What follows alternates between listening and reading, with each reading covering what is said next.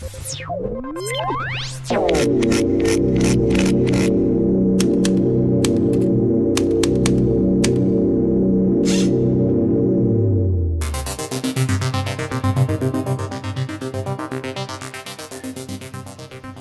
pozdravljeni v 24. epizodi počrta podcasta, z vami smo tokrat Leonard Kučič in Tate Polovec, na koncu pa se nam bo pogovor pridružil tudi Anžet Poštic.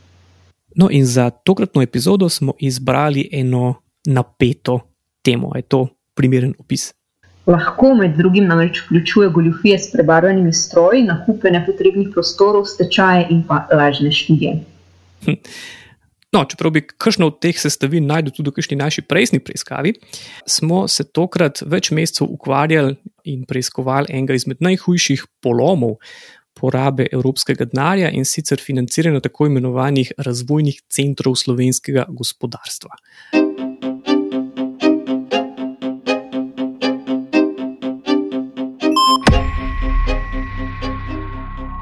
Kaj smo preiskovali tukaj in na kaj smo naleteli? Torej, na mesto gospodarskega preboja, ki bi moral biti rezultatom spostavitve teh razvojnih centrov slovenskega gospodarstva, smo morali iz javnega denarja vrniti 45 milijonov sredstev v evropski proračun.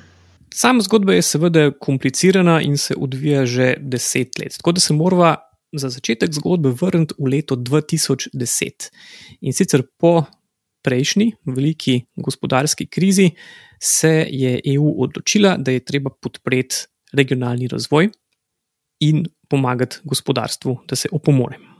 Nahajamo se sredi leta 2010, ko je Slovenija čutila resne posledice globalne finančne krize, za ovinkom pa je hkrati že čakal nov padec gospodarstva. In na Ministrstvu za gospodarstvo so takrat kovali veliko potezne načrte za zagon gospodarskega razvoja. Na mizi so imeli namreč kar 161 milijonov evrov javnih sredstev, ki so bila namenjena za pomoč slovenskim podjetjem. 85% teh sredstev so predstavljala evropska sredstva, preostanek pa sredstva iz državnega proračuna. In kako je vlada sklenila porabiti teh dobrih 160 milijonov evrov? Ministrstvo za gospodarstvo je takrat razmišljalo vizionarsko. Denar so želeli vložiti v ustanovitev razvojnih centrov slovenskega gospodarstva, kar bi bilo več združenj velikih in malih podjetij, ki bi postala središča slovenskega tehnološkega napredka. Zdaj, kar so želeli doseči s tem, je bilo, da bi s tem vložkom v bistvu zagnali slovensko gospodarstvo in poskrbeli na, za nova, dobro plačena delovna mesta in pa posledično več denarja za davčno blagajno.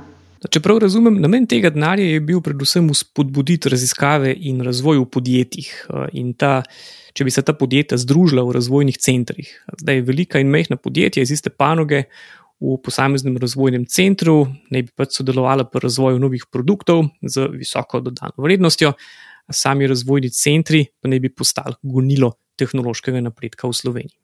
Tako je.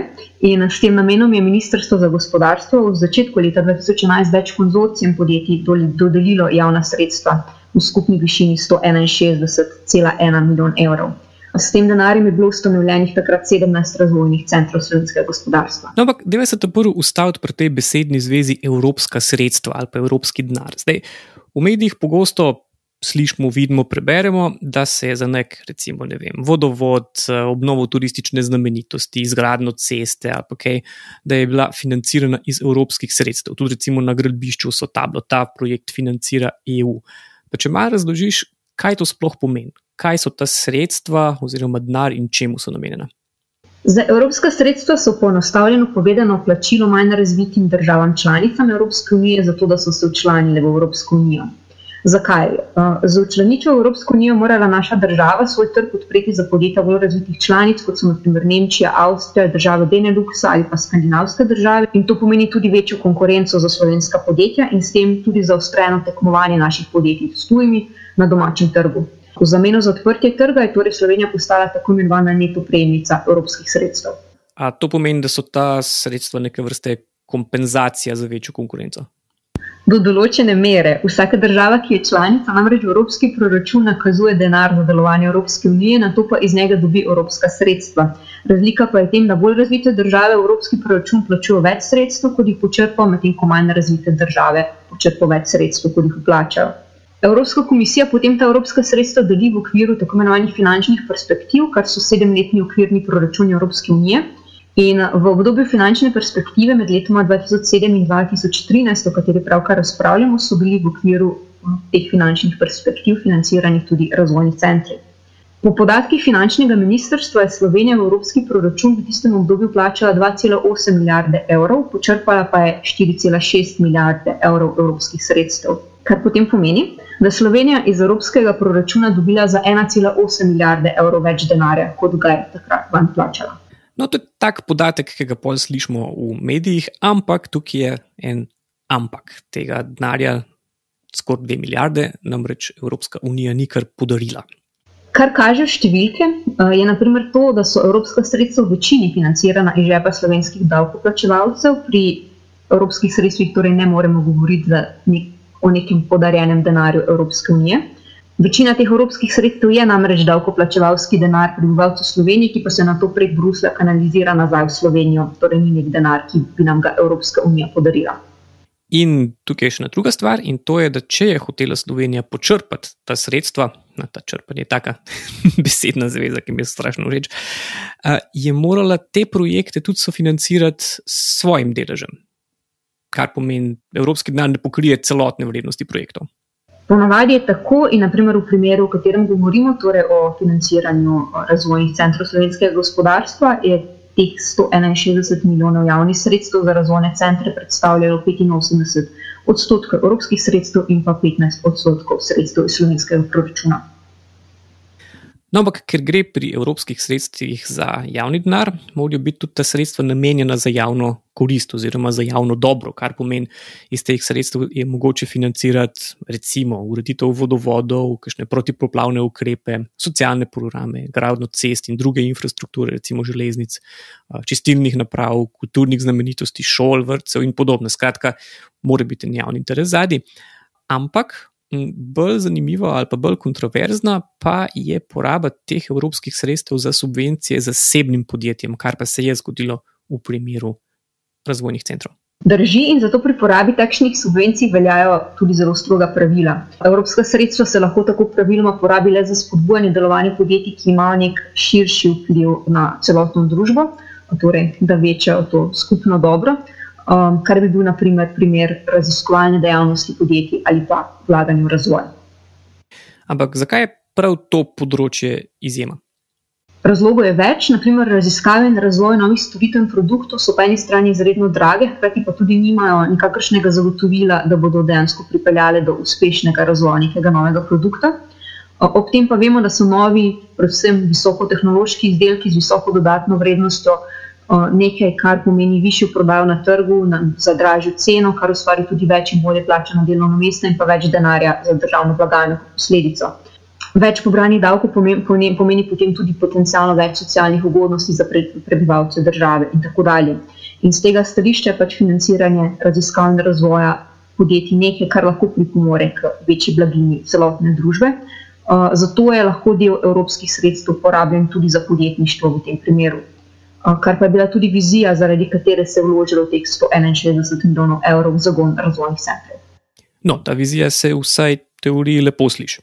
In v skladu s to vizijo je bilo leta 2011 ustanovljenih 17 razvojnih centrov, kot so že povedala. V konzorciji podjetij, ki so ustanovila te razvojne centre, pa so se združila tudi nekatera velika in znana slovenska podjetja, med njimi naprimer Krka, Cimo, Zgorenje, Litostroj in ostali. In seveda, eden izmed razlogov, zakaj se mi dva zdaj pogovarjamo o tem, je, da se ta načrt ni iztekel po željah ministrstva. Kaj se je zgodilo na mesto te vizije, ki se je zdaj predstavljala oziroma povzela? Če ne bi šlo nekaj resno narobe, se verjetno na počrtu ta trenutek s tem projektom ne bi ukvarjali. Kaj se je zgodilo? Trije izmed 17 razvojnih centrov so že v stečaju. Pet razvojnih centrov od teh 17 se, uh, se je zaradi nepravilnosti porabe sredstev in celo suma goljufi, eh, znašlo v predkazenskih ali kazenskih postopkih. Tistim, ki so ostali in še delujejo, prihodki večinoma upadajo. Financiranje razvojnih centrov bi lahko tako značili za nekakšen T6 na področju podjetništva.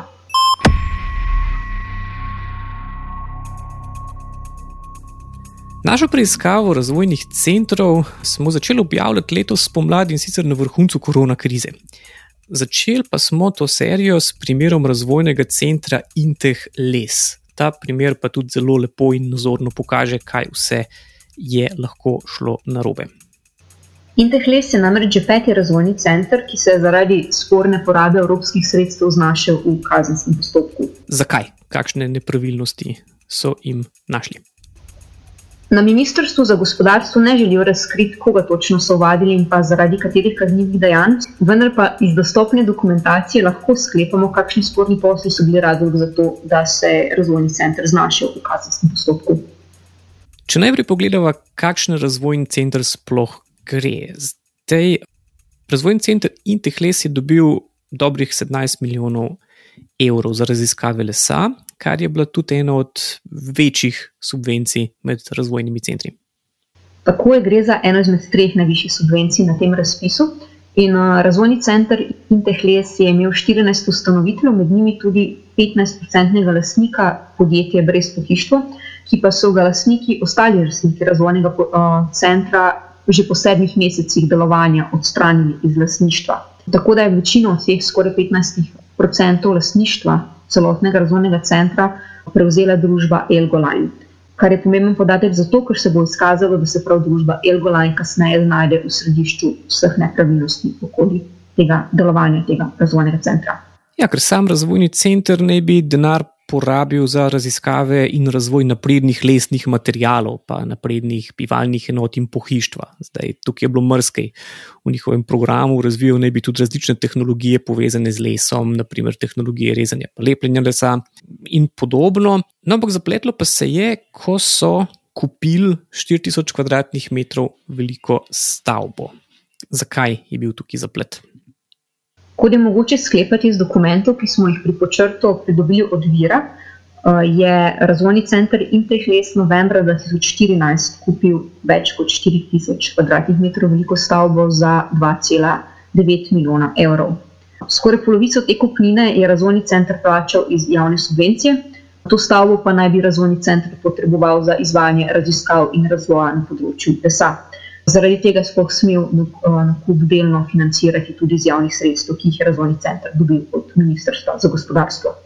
To pomeni, razvojni center bi smel kupiti te prostore s subvencijo pod pogojem, da bi pol v njih vsaj do konca leta 2019 dejansko izvajal raziskave in razvoj, ker taki so bili pač pogoji razpisa. Kot je pa mogoče sklepati iz pridobljenih dokumentov, temu ni bilo tako. Lani aprila je namreč Urad za nadzor proračuna, ki v Sloveniji nadzoruje pravilnosti porabe evropskih sredstev, dobil prijavo glede tega nakupa. In prijava je vsebovala informacijo, da kupljene stavbe v resnici ne uporablja razvojni center, ampak naj bi stavbo uporabljalo podjetje ProPlace in sicer kot tovarno za elektronske komponente. Mm, in kako se je v lesnem razvojnem centru znašlo podjetje za proizvodnjo elektronskih komponent? Torej, že prej omenjeno podjetje Elgoline ki je kot lastnik razvojnega centra nadomestilo podjetje brez pohištva, eh, ima v lasti dobrih 11 odstotkov razvojnega centra Intekles. Večinski lastnik podjetja Elgoline pa je v lasti Matjaža Levarja in Istoka Gornika. Ti dve osebi sta obenem tudi edine lastnika podjetja z imenom ProPlace. ProPlace je bilo torej podjetje, ki je razvojnemu centru najprej za skoraj 3 milijone evrov prodalo teh 4000 kvadratnih metrov, potem pa so bili oni tisti, ki so te prostore uporabljali za razvoj elektronskih komponent. Um, če prav razumem, razvojni center Intehles je kupil stavbo od podjetja ProPlace in zato porabil tudi denar od subvencije, zato da bi potem tam lahko do leta 2019 izvajal svoje razvojne dejavnosti. A po nakupu pa je stavbo še zmeraj uporabljal podjetje ProPlace, torej prodajalec, ki tam zdaj izdeluje elektronske komponente. Še več, po dobljeni prijavi je namreč urad za nadzor proračuna gospodarskemu ministrstvu naročil preverbo teh očitkov in uradniki ministrstva so lani jeseni ugotovili, da ti očitki držijo. Ob omenjenem podjetju ProPlace pa to stavbo vlasti razvojnega centra za svoje potrebe neupravičeno uporabljate še dve podjetji, kar pomeni, da naj bi ProPlace prodal stavbo razvojnemu centru neupravičeno zaslužil skoraj 3 milijone evrov. A pa so imeli vse te ugotovitve, kakšne posledice?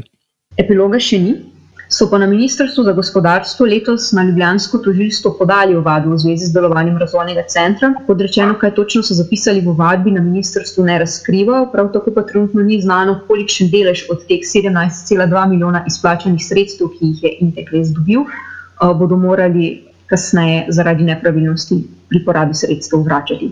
Za komentar teh očitkov smo zaprosili direktorja razvojnega centra Intehles Roberta Ivančiča. Gospod Ivančič nam je odgovoril, da se z ugotovitvami ministrstva ne strinja. Pisal je, med drugim, da druga podjetja teh prostorov ne uporabljajo za proizvodno dejavnost, in prav tako je povedal, da podjetje ProPlace ni uporabljalo opreme v lasti razvojnega centra. Je pa gospod Ivančič povedal, da so si stroji, ki so v lasti razvojnega centra, in stroji, ki so v lasti podjetja ProPlace, zelo podobni. Zato je možno, da so uslužbenci ministrstva med obiskom napačno sklepali, je še povedal direktor. No, in kaj so pa že povedali, to sploh ni edini primer, kjer je bila podana ovadba, zaradi tega, ker ob razvojnem centru Intehles so državni organi zaradi suma goljufi pri porabi evropskih sredstev uvajali še kar štiri druge razvojne centre in sicer Simit, razvojni center Energija, razvojni center Preko in razvojni center Sive Jahc. Vse te primere si lahko natančno, pa natančneje preberete v člankih na počrto.si. ampak pogledaj pa zdaj podrobneje še en primer razvojnega centra in sicer SIMIT. To je pa razvojni center za materijale in tehnologije, ki je na razpisu prijel skoraj 13 milijonov javnih sredstev. Razvojni center SIMIT je leta 2011 ustanovilo 14 podjetij, med njimi tudi podjetje CIMUS. Dejavnosti razvojnega centra pa so bile raznolike, med njimi je bil razvoj novih materijalov na osnovi aluminija iz litin, pa razvoj naprednih brusnih orodij, kot tudi razvoj medicinskih vsadkov, torej kostnih nadomestkov, ki bi bili narejeni po meri posameznega pacijenta.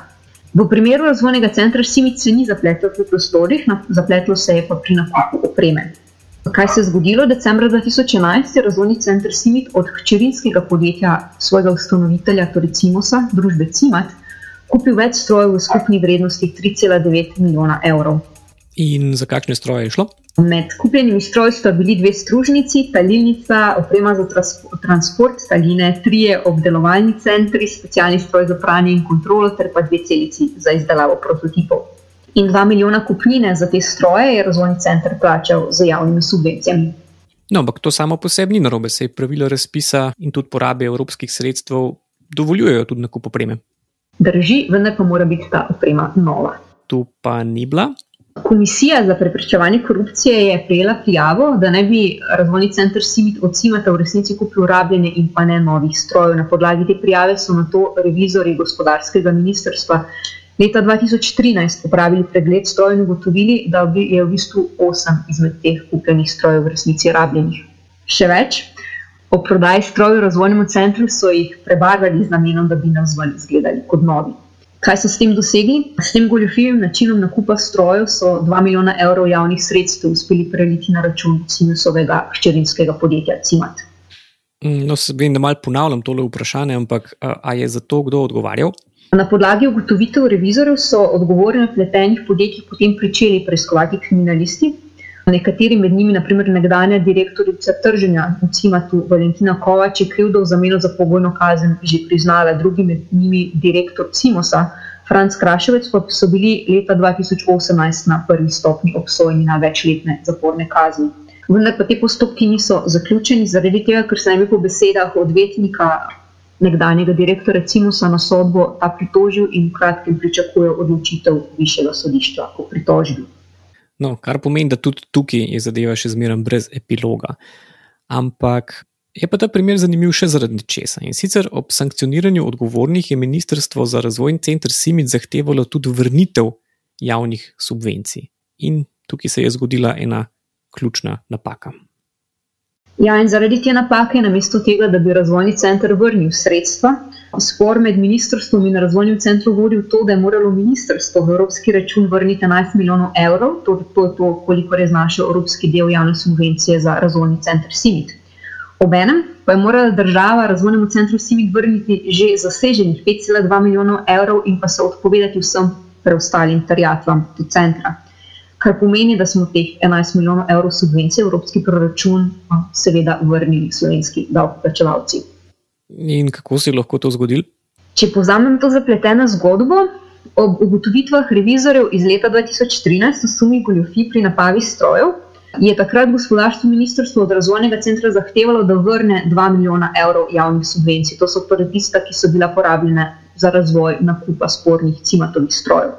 Pa 2 milijona evrov je razvojni center na to tudi vrnil davčni proračun, vendar pa je, so tukaj na ministrstvu naredili ključno napako.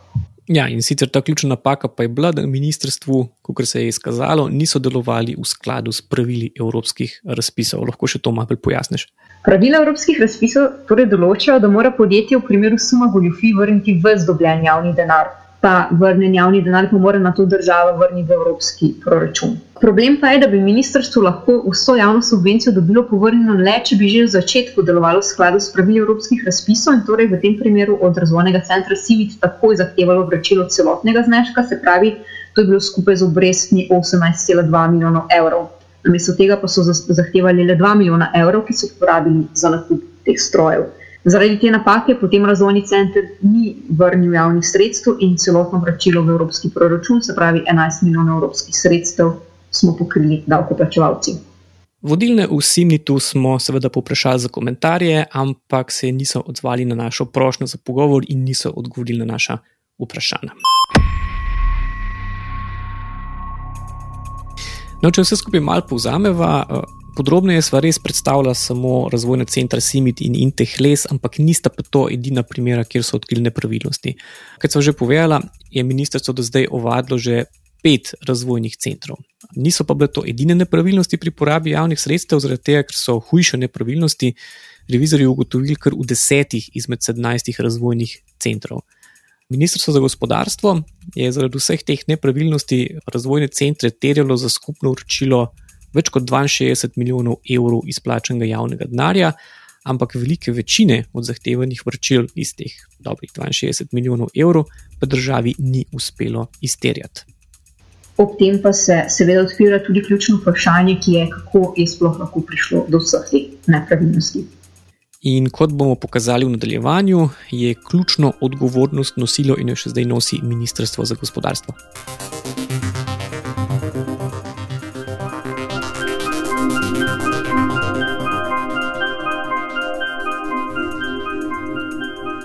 No, če poskušamo povzeti to zapleteno zgodbo o preiskavi financiranja razvojnih centrov v ene take tri glavne točke, potem jih lahko strnemo nekje v hm, tri glavne probleme. Prve so napake pri sami porabi sredstev, o katerih so govorili na primeru Simita in Intehlesa. Ampak to je šele prvi tak sklop problemov, ki smo jih našli. Pol. Drugo je eno širše vprašanje in sicer nejasnih učinkov subvencij.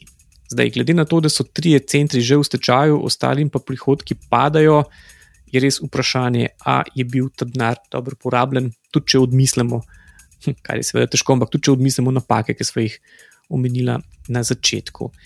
In pa tretja točka, na katero smo pa tudi naleteli, je pa to, da je bilo treba evropska sredstva vračati tudi zaradi tega, ker je bila prvotna pomoč podjetjem previsoka. Ja, torej s tem se sedaj vračava posebno na začetek. Že samo dodelitev pomoči podjetjem so namreč spremljale napake, kajti gospodarstvo ministrstvo je po ugotovitvah revizorjev Urada za nadzor proračuna, ki skrbijo za pravilno porabo evropskih sredstev v Sloveniji, razvojnim centrom izplačalo previsoke zneske subvencij. No, in spet se malo ponavljam s tem vprašanjem, ampak kako se je lahko to zgodilo? Torej, ob ustanovitvi razvojnih centrov razvojni centri niso bili ustanovljeni samo in izključno za javnimi sredstvi, ki so jih prejeli. Podjetja so namreč morala v skladu s pravili razpisa tudi sama vanje vložiti lastna sredstva v določeni višini. Problem pa je bil v tem, da je to razmerje državne pomoči oziroma javne pomoči v primerjavi z lastnimi vložki bilo po ugotovitvah revizorjev previsoko in zato v neskladju z evropskimi pravili. Posledično pa mora na to Slovenija v proračun Evropske unije vrniti 13,8 milijonov evrov, ki smo jih seveda vrnili iz proračuna. Hm. Ja, če gremo zdaj malo seštevati vse te napake, približno 14 milijonov je bilo treba vrniti zaradi napačne ocene oziroma previsokih izplačenih subvencij. Naslednje težave so pač napake pri porabi sredstev, o katerih so govorili na primeru razvojnih centrov Simita in Intehlesa. In kot smo že povedali, če, je, če so kar v desetih od sedemnajstih razvojnih centrov odkrili hujše napake pri porabi evropskih sredstev, koliko je pa to na koncu koštalo? Za zaradi samih napak pri porabi denarja mora Slovenija v evropski proračun vrniti še nadaljnih 31 milijonov evrov, in če to prištemo vrnjenim sredstvom zaradi previsokih izplačil, ki smo jih imeli prej, smo skupno v evropski proračun vrnili dobrih 45 milijonov evrov. Ob tem pa je treba vedeti, da tem, tukaj zdaj govorimo samo o vračilih evropskih sredstev. Ministrstvo za gospodarstvo pa namreč od razvojnih centrov terja kar 62 milijonov evrov povračil, kar je seštevek evropskih sredstev, sredstev iz proračuna, ki so jih razvojni centri dobili, ker kot rečeno, ta projekt je bil 15% sofinanciran iz državnega proračuna in pa obresti, ki so se v tem času nabrale. No, in poleg vseh teh dragih napak imamo pa tukaj še eno pomembno vprašanje, ki je verjetno skoraj najhujša težava za gospodarsko ministrstvo, in to je, da so učinki, na kakšen način, oziroma učinki tega uložka in porabe 161 milijonov evrov javnih sredstev v razvojne centre, popolnoma nejasni. Zato, ker, kot sem povedala v uvodu, ki sem povzemala te začetne ideje, ti razvojni centri bi morali postati gonilo razvoja v Sloveniji. Ampak, kot so ugotovila od teh gonil razvoja, so zdaj trije centri v stečaju, prihodki ostalih centrov, pa razen ene izjeme, padajo. Ne, tisti razvojni centri, ki niso v stečaju, so recimo leta 2018 skupno ustvarjali kar za polovico manj prihodkov kot leta 2014, kar je bilo zadnje leto, ko je država še financirala teh centrov kar pomeni, če so prihodki razvojnih centrov leta 2014 skupaj znašali okoli 60 milijonov evrov, so ti dohodki leta 2018, kar je zadnji podatek, ki je na voljo, znašali samo še polovico, kar pomeni slabih 30 milijonov evrov. Zdaj, kakšna je bila tukaj vloga ministrstva za gospodarstvo, ki bi bilo odgovorno za pripravo in izvedbo javnega razpisa? Kar se tiče odgovornosti ministrstva, Za gospodarstvo smo v bistvu ugotovili tekom preiskave tri stvari. Prva stvar je, da je bil že razpis za financiranje centrov že pripravljen neustrezno, kar pomeni, da ministrstvo ni v nobenem izmed dokumentov, ki so bili del dokumentacije o financiranju razvojnih centrov, določilo niti kako bodo te subvencije v, višini, v skupni višini 161 milijonov evrov sploh pripomogle k doseganju ciljev iz razvojnega programa, niti kako bo ministrstvo na koncu merilo doseganje teh ciljev. Tako da posledično ministrstvo še danes ne more oceniti, kakšno koristi financiranje razvojnih centrov sploh prineslo slovenskemu gospodarstvu in pa širši družbi. Druga težava je ta, o kateri smo zdaj že kar nekaj povedali, in to, da je država morala zaradi napak in pa slabega dela ministrstva za gospodarstvo na koncu vračati evropska sredstva v nemajhni višini. Tretja, ker lahko govorimo pa tudi o vplivih na prihodnost, pa je nepripravljenost ministrstva na soočanje s posledicami financiranja razvojnih centrov ki ima še danes negativne posledice, ki pa na, kaže ob tem tudi na to, da ima v Sloveniji nek širši, širši sistemski problem s porabo evropskih sredstev.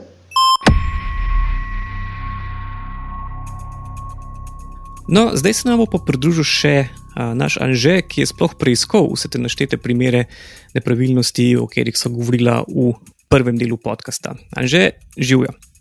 Pozdravljena. Z evropskimi sredstvi pa razvojnimi centri se ukvarjaš reže kar nekaj časa. Poveš malo, kako pa smo sploh prišli do te cele preiskave? Razvojni centri so na našem radarju, da tako rečem, že vrsto let. Kot sta sama povedala, se je financiranje razvojnih centrov pričelo že od leta 2011. In kako malo so v medije prišle različne zgodbe in zgodbice o nepravilnostih v teh razvojnih centrih, pozneje tudi o sodnih postopkih v zvezi s temi razvojnimi centri. Ampak vse te zgodbe v medijih so se dotikale posameznega razvojnega centra. Tudi po črto je recimo že več let nazaj poročal o posameznih centrih, noben se pa ni tega problema lotil sistemsko, torej da se pogleda, kaj točno je šlo na robe pri celotnem financiranju, kakšna je bila skupna vsota škode, da temu tako rečem, koliko je bilo nekih goljufij tukaj in v bistvu kaj je sploh vzrok, da, da je ta projekt šel tako na robe. To smo se odločili, da bomo preiskali mi, tudi zaradi tega, ker so v zadnjih letih prišle ven uh, določene nove podrobnosti, ki jih je razkrila revizija računskega sodišča, pridobili smo določene dodatne dokumente in tako smo v bistvu lahko tekom našega dela v preteklem letu sestavili celotno zgodbo v zvezi s temi razvojnimi centri. Zakaj iz tega ratu pa pravzaprav tak največji fiasko pri porabi evropskega denarja pri nas, prej je ta slikovito uporabila primerjavo, da je to skoraj nekakšen podjetniški T6 v Sloveniji. Mi do zdaj nismo odkrili nobenega druga primera, ki bi ga financirala evropska sredstva, pri katerih bi bilo ugotovljeno tako veliko nepravilnosti, tako veliko goljufi in pa kjer bi potem bilo odzeto tako veliko uh, evropskega denarja zaradi teh nepravilnosti. Zato mi na nek način to imenujemo kot nek uh, podjetniški T6, ker če pogledamo Tudi številke so precej primerljive. V, seveda je bil projekt T6 precej dražji, ampak tam se je govorilo o njih vsaj 200 milijonih evrov preplačanih uh, za projekt T6. Tukaj imamo okoli 160 milijonov evrov javnih sredstev, uh, za katere prav tako ni jasno, uh, kaj smo sploh dobili, oziroma kako učinkoviti so sploh ti razvojni centri, ki so bili financirani iz tega denarja. Tako da to je res ena. Um, en velik fiasko, in tudi sam osebno sem bil presenečen, ko sem raziskoval to zgodbo, koliko je bilo vseh teh nepravilnosti in kako v bistvu uh, nesposobni so bili ti nadzorniki pri ugotavljanju teh nepravilnosti. Torej, kot si že samo omenil, v preiskavi ugotavljaš, da je ključno vlogo, zaradi katere moramo vračati vsa ta evropska sredstva, odigralo prav Ministrstvo za gospodarstvo.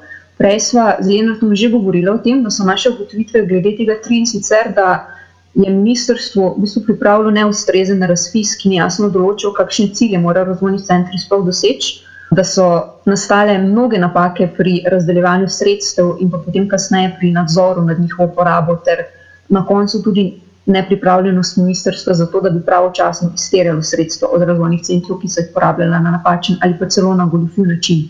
Z ugotovitvami te preiskave si se ti obrnil na odgovorne, kakšni so bili njihovi odzivi na to? Na ministrstvu so v bistvu najprej poudarili, da je bil to eden izmed prvih velikih projektov z področja podjetništva, ki so ga financirala evropska sredstva, in da zato v bistvu niso bili pripravljeni na tako velik projekt, oziroma niso vedeli, kako ga učinkovito izpeljati, kako ga učinkovito nadzorovati. In tukaj so potem iskali te. V bistvu vzroke ali pa upravičila, zakaj je šlo na robe toliko stvari. Zdaj, Rekli so, da so tudi na podlagi izkušenj z razvojnimi centri sprejeli nekatere ukrepe, na podlagi katerih ne bi bilo to razdeljevanje sredstev uh, pri naslednjih razpisih bolj učinkovito. Zdaj, seveda, vprašanje je, koliko to zares drži. Zdaj, če pogledamo vse te revizije, ki so jih naredili pri uradu nadzor proračuna, lahko ugotovimo, da je res, da število goljufij pri evropskih sredstvih v Sloveniji stalno upada, kar kaže na neko uspešnost ministrstva, lahko rečemo tudi gospodarskega ministrstva pri preprečevanju teh goljufij, pa hitrem odkrivanju. Po drugi strani pa vemo, tudi na podlagi tega primera Intehles, da se goljufije v zvezi z razvojnimi centri dogajajo še zdaj, oziroma odkrivajo še zdaj. Kar pomeni, da kot kaže na ministrstvu, vseeno tega nadzora niso mogli vzpostaviti na takšni ravni, da bi se goljufije zelo učinkovito odkrivale, oziroma ta primer Intehlesa vzbuja. Kar precejšen dvom v ministrstvo, da je ministrstvo danes sposobno res zelo učinkovito nadzorovati porabo sredstev na teh razpisih. Torej, kljub vsem napakam, ki so jih odkrile kasnejše revizije in uh, ki smo jih našteli na Ministrstvu za gospodarstvo, zaradi uh, financiranja razvojnih centrov ni bil sankcioniran nihče. Kaj bi bilo po tvojem mnenju potrebno narediti, da se te nepravilnosti v prihodnosti zares ne bi več dogajale? Prva zadeva je ravno to iskanje odgovornosti. Treba je ugotoviti, v bistvu, kdo je v vsej tej zadevi na ministrstvu pri nadzornikih zamočil in ugotoviti, zakaj, in potem tudi postaviti ustrezne sankcije, če se presodi, da so potrebne, ne, da je to nastalo zaradi neke malomarnosti, ne toliko zaradi recimo neznanja. Druga zelo pomembna zadeva, ki je doskrat ne poudarjajo, je pa zelo pomembna, je ta, da se morajo bolj usmeriti v oceno, kako učinkovite so neke subvencije. Ker še kar je preveč podarka danega na to, da mi ta evropska sredstva, ki nam jih daje Evropska unija, počrpamo, torej da jih dobimo iz evropskega proračuna, slovenski proračun in damo podjetjem. Nihče pa se ne vpraša, ok, kako učinkovite pa so zdaj bile te subvencije, ali se je s tem našim javnim denarjem dejansko razvilo nek nov produkt in s tem neka nova, bolje plačana delovna mesta, dodatni denar za davčno blagajno, ali so ta sredstva pripomogla k gospodarskemu razvoju Slovenije, ali pa smo ta sredstva porabili samo zato, da smo jih porabili, da jih nismo pustili v evropskem poročunu, da se tako izrazim. In mislim, da je ta del dejansko ta ocena učinkovitosti tisto, kar dan danes še kar najbolj umanka.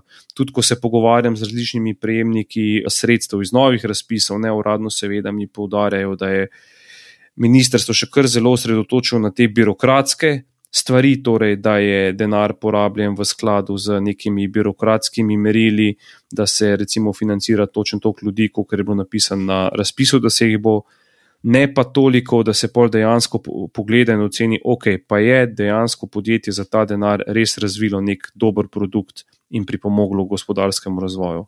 Kaj se lahko iz vsega tega primera naučimo, glede na to, da teh sredstev prvič bo še kar nekaj, in tudi zdaj se v medijih zelo veliko govori tudi o tem, na kakšen način bo Slovenija porabila sredstva, ki so na voljo kot del tega velikega evropskega protikoronskega paketa. Zdaj najbrž si želimo, da bi ta paket porabili boljši. Kot vemo, in tudi pri počrtu smo v preteklosti tudi to razkrivali, nam je zaradi velikega števila goljufij z evropskimi sredstvi Evropska komisija v preteklosti že zamrznila in to večkrat črpanje denarja iz evropskega proračuna.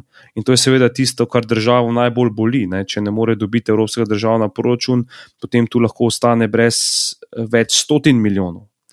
In to zadevo smo nekako uredili, kot sem že povdaril v zadnjih letih, te goljufije vedno manj, zato ker obstaja tukaj ta huda sankcija, če se te zadeve ne uredijo v državi. Ne.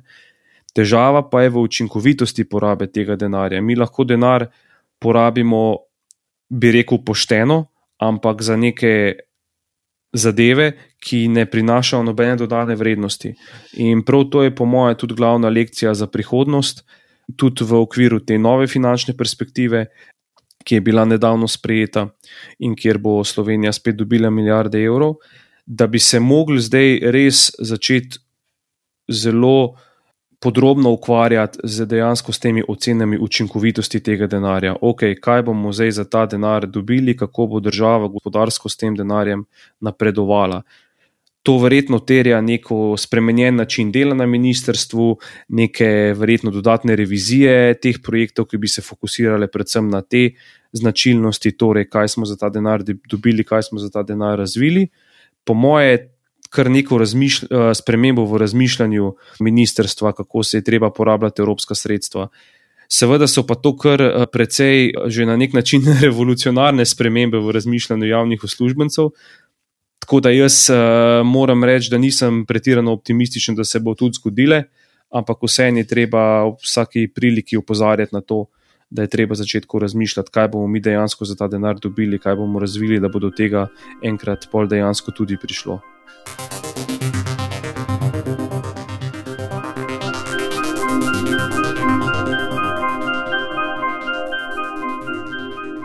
Celotno serijo preiskovalnih člankov o tem spodletelem projektu vzpostavitve razvojnih centrov slovenskega gospodarstva najdete v celoti na naši spletni strani počrto.si oziroma podcrto.si, kjer je poleg člankov na voljo tudi precej zgovornih infografik, kjer si lahko ustvarite eno tako bolj jasno sliko o tej kompleksni zgodbi in koliko denarja je šlo v nič.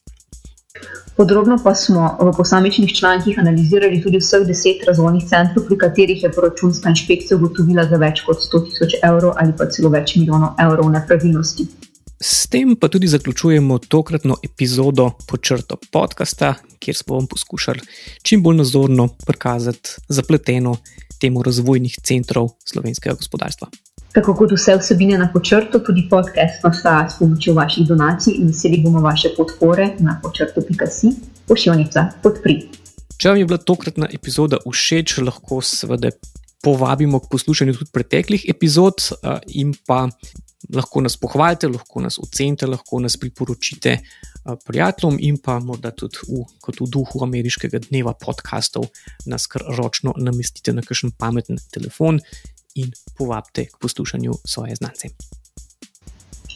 Tega podcasta pa ne bi bilo brez celotne ekipe, ki je sodelovala pri preiskovalni seriji Razvojni center slovenskega gospodarstva in sicer avtor člankov Anželo Boštic, vodja in urednica projekta Tato Polovec, Članke so urejala in preverjala dejstva Tata Polovic in Nina Kučič, lektorirala je Ana Bogataj, za ilustracije je poskrbel metod Bled, za, za zasnovo infografik Anžemo Boščic in Tato Polovic, infografike pa je oblikoval in vizualiziral metod Bled.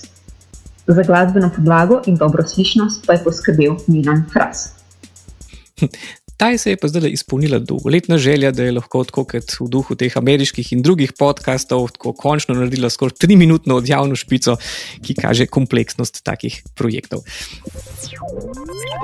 You.